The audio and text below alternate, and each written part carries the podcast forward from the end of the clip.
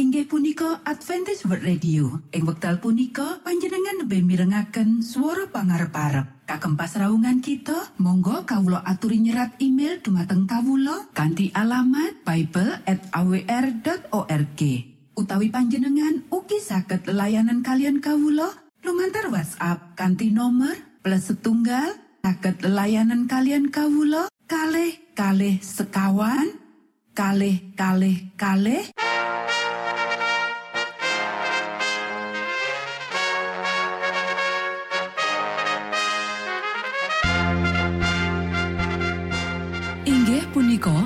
Adventist World Radio ingkang giaran kanti basa Jawi.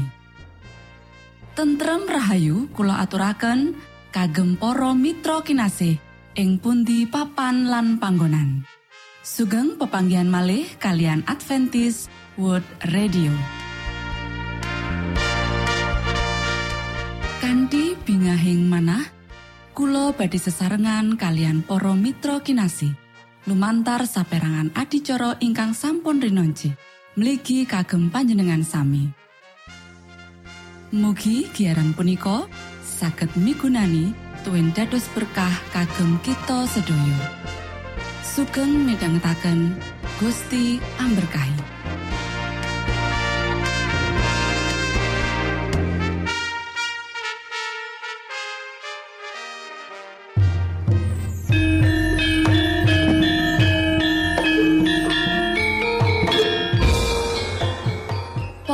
Para pamirsa kinasih ing Gusti Yesus Kristus. Ing wekdal punika kita badhe sesarengan ing adicara ruang kesehatan. Ingkang saestu migunani kagem panjenengan saha kita sami. Tips utawi pitedah ingkang dipun aturaken ing program punika tetales dawuhipun Gusti ingkang dipunnyatakaken ing kitab suci. Semanten ugi sakehing seratan ingkang dipun wangsitaken dening Gusti Allah. Nanging saderengipun monggo kita sami midhangetaken kidung pujian.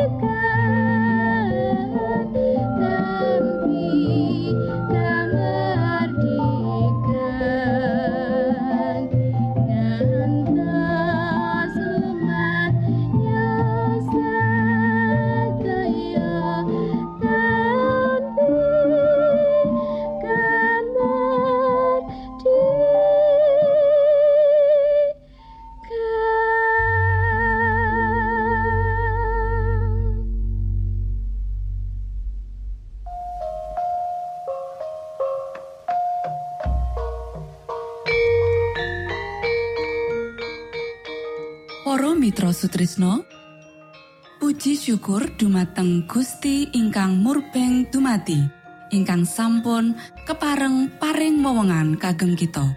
Satemah saged nglajengaken ruang kesehatan. Pirembakan kita semangke kanthi irah-irahan. Panganan mewah lan meriang.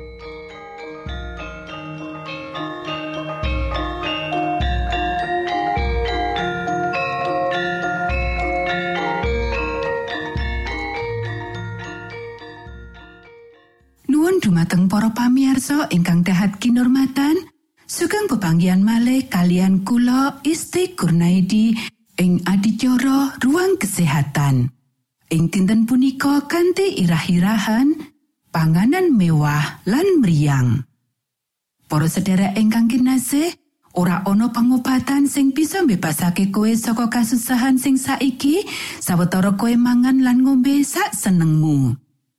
Koe bisa nindakake iku kanggo awakmu dhewe, nanging dokter sing paling pengalaman ora bakal bisa nindakake. Aturan menu pangananmu. Kanggo maremake selera, koe asring menehi momotan abot marang alat pencernaan dening ngiseni weteng karo panganan sing ora nyehatake lan kadang kala cacahe ora temtu. Iki ngeselake weteng nganti ora sanggup maneh nampa panganan senadyan sing paling nyehatake. Para sederek, kowe nahanake wetengmu sakjroning kahanan sing tansah diringkehake. Amarga pakulinan-pakulinan salah sakjroning bab mangan. Pangananmu kebangetan mewah. Panganan iku dicawisake dudu ganti cara prasaja lan alamiah lan babar pisan ora cocok kanggo wetengmu amarga kowe nyediakake kanggo nuruti seleramu dhewe. Alam dipoti lan budidaya kanggo nolak usahamu kanggo nglempohake iku mulane timbul meriang dadi akibate amarga usaha kanggo ngindani momotane. Kowe kudu nandang ukuman paneraan angger-angger alam. Gusti Allah wis netepake pepakon ing sakjroning badanmu sing ora bisa mbok terak tanpa ukuman. Kowe wis bentuk selera tanpa tetimbangan kesehatan. Kowe wis gawe pirang-pirang owa-owahan nanging mung jupuk langkah sepisan wae sakjroning reformasi panganan. Para sederek, Gusti Allah ngersakake supaya kita tarak sakjroning kabeh bab. Menawa kowe mangan utawa menawa kowe ngombe utawa menawa kowe nindakake sangu barang sing liya, lakonono kabeh iku kanggo kamulyane Gusti Allah. Saka kabeh keluarga sing tak kenal, ora ana sing merlokake kauntungan saka reformasi kesehatan luwih katimbang kowe dhewe. Kowe padha nangis amarga rasa lara sing kowe dhewe ora mangerteni. Lan kowe nyoba masrahake lanahan anugerah menawa siksaan ya iku bagianmu lan Gusti Allah dhewe paring palilah. Para sederek menawa kue buka meripat nganti bisa ndeleng langkah-langkah sing wis mbok cukup saksuwene urip nganti kowe ana ing kahanan kesehatan sing merosot iki kowe bakal rumangsa kumun nonton wutamu sing kowe ora mangerteni ngenani kahanan masalah iki sadurunge kowe wis nyiptakake selera sing ora alamiah lan kowe ora nikmati pangananmu sawutuhe amarga kowe nggunakake selera kanthi cara sing salah Kowe wis muter balik alam nganti kowe dhewe nampa akibate. Para sederek, alam bisa nahan penyalahgunaan saksuwene dheweke orang lakokake penolakan. Banjur dheweke bangkit lan budidaya kanthi kaperkasaane kanggo buang beban lan perlakuan jahat sing wis disandang. Loro sirah, kademen, meriang, gemeter, kelempohan, lan babab liyane sing ora perlu disebut cacahe.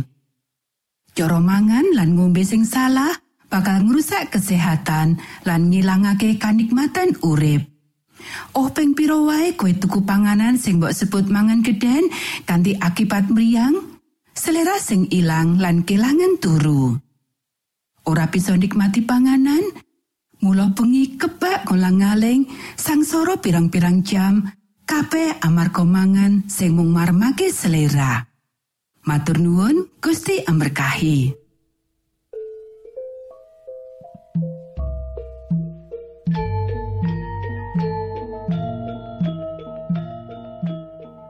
Cekap semanten pimbakan ruang kesehatan ing episode dinten punika. Ugi sampun kuatos jalaran kita badhe pinanggih malih ing episode sak lajengipun.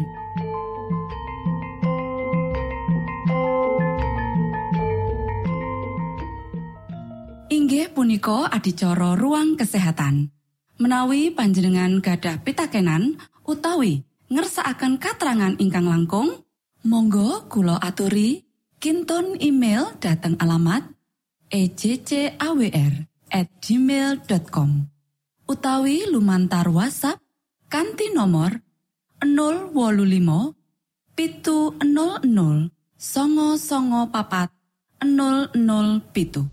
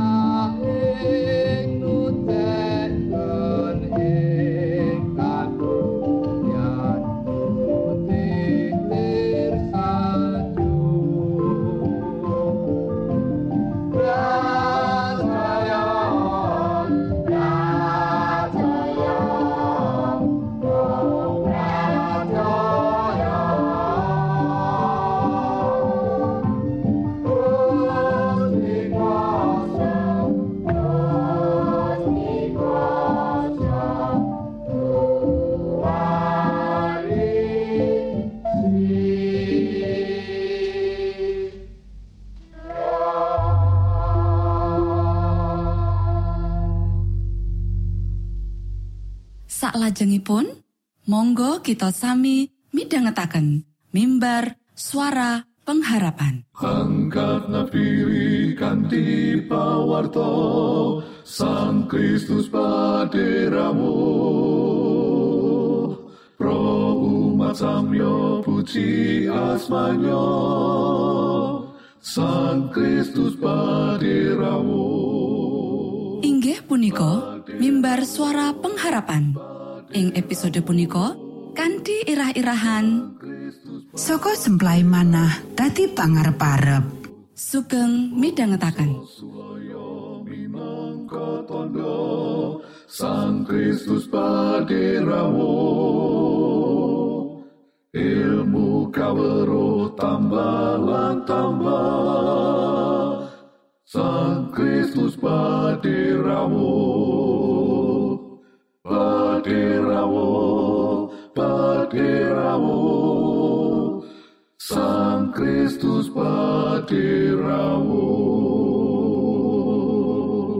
Shalom para sedherek ingkang kinasih wonten ing Gusti. Sakmenika kita badhe mitangetaken renungan Sabda pangantikanipun Gusti. Ing dinten punika kanthi irah-irahan saka semplai manah dadi pangarep-arep. Para sedherek ingkang kinasih, kita kabeh mbok menawa wis ngadepi wektu nalika ngarsane Gusti Allah katon ato banget saka kita. Sopo wae kadangkala ora mikir, kepiye carane bisa kedadean?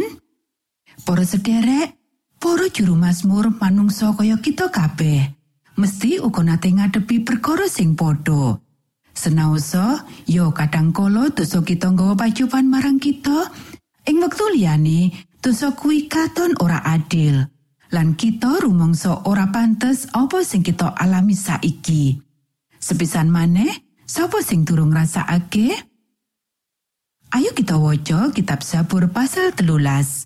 Kanggo lurah pasinden, Mazmur anggitane Prabu Daud. Duh Yahwa, ngantos pinten tangunipun malih anggen patuko boten ngengeti kawula? Ngantos pinten tangunipun malih anggen patuko nutupi wetono patuko dateng kawula? ngantos dumugi benjing punapa anggen kawula ketah ngraosaken kuatos.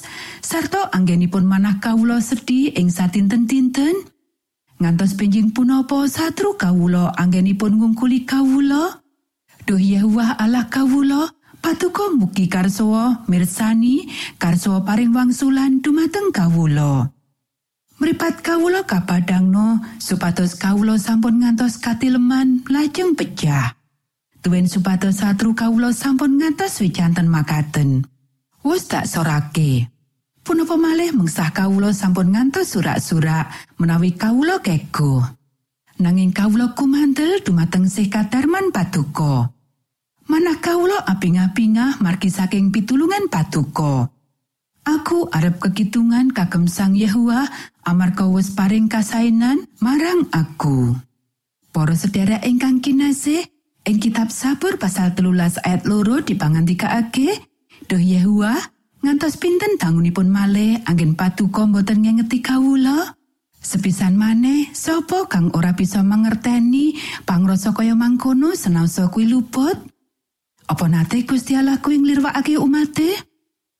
Mulane ing kitab Sabur pasal telulas nuduhake cara kanggo kita supaya ngindani kaluputan liyane yaiku ngener marang kita dhewe lan karubetan urip kita nalika asung pandonga.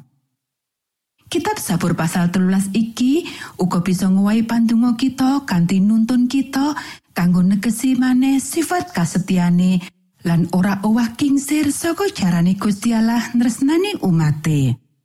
Pancen senaosa kitab sabur iki kawiwitan saka pangadu lan pasambat, kuwi ora dipungkasi ing kono lan kuwi punjer kang wigati banget. Kitab sabur sejatine nuntun kita kanggo netepi pengandel marang panebusing Allah. Sabur pasal telulas ayat 6, temah rasa kaweten lan wasumlang kita, Mboko sidik menehi dalan kanggo kawilujengan saka Gusti Allah lan kita wiwit ngalami owawan saka sesambat kanggo memuji saka putus asa kanggo pangarep-arep ananging mung baleni tembung-tembung ing sabur kanthi sidik pangerten bab tegese ora bakal nuwuhake owah-owahan kang asli kang dimaksudake saka panggunaane. Nalika ndedonga saka kitab Sabur, kita kudu ngupati Sang Roh Suci supaya kita bisa tumindak miturut panyuwune Mazmur. Para sederek, kitab Mazmur iku sabdane Gusti Allah sing wae karakter lan tumindake wong-wong sing percaya. Dudu mung sak kabar. Saka se palimirmane Gusti Allah, janji kitab Sabur kawujudake sakjroning panguripane wong-wong percaya. Iki tegese kita ngidini sabdaning Gusti Allah mangun kita laras karo karsaning Allah lan nyawijikake marang Sang Kristus sing wis nuduhake kersaning Gusti Allah kanthi sampurno lan minangka putraning Allah kang jilmo wis netungga kaya ing Mazmur. Monggo kita sami ndedonga. Duh Rama kawula ingkang wonten ing swarga, asma patuko mugi kasucikaken. Kraton patuko mugi rawuh. Karso patuko mugi kalampahan wonten ing bumi kados dene wonten ing swarga. Kawula mugi kaparingan rejeki kawula sak cekapipun ing dinten punika. Soho patuko mugi ngapunten kalepatan kawula kados dene kawula inggih ngapunteni tetiang ingkang kalepatan dhateng kawula. Punapa dene kawula mugi sampun ngantos katantukaken dhateng ing panggoda nanging mugi sami patuko uwalaken saking piawon. Awit dene patuko ingkang kagungan kraton saha wisesa tuen kamulyan salami laminipun. Amin.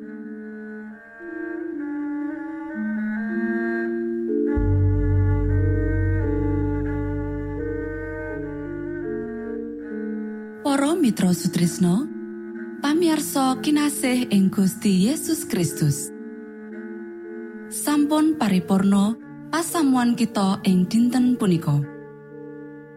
Menawi panjenengan gadah pitakenan utawi ngersaakan seri pelajaran Alkitab suara nubuatan Monggo Kulo aturi kinton email dateng alamat ejcawr gmail.com utawi lumantar WhatsApp kanti nomor 025 pitu 00 songo songo papat 00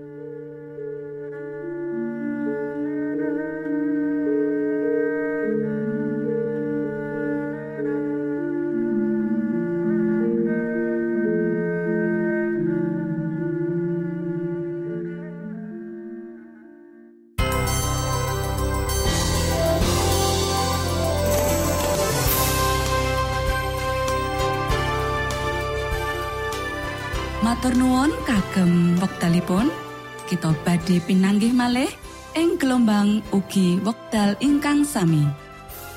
Saking studio kula ngaturaken tentrem rahayu. Gusti amberkahi kita sedoyo Maranata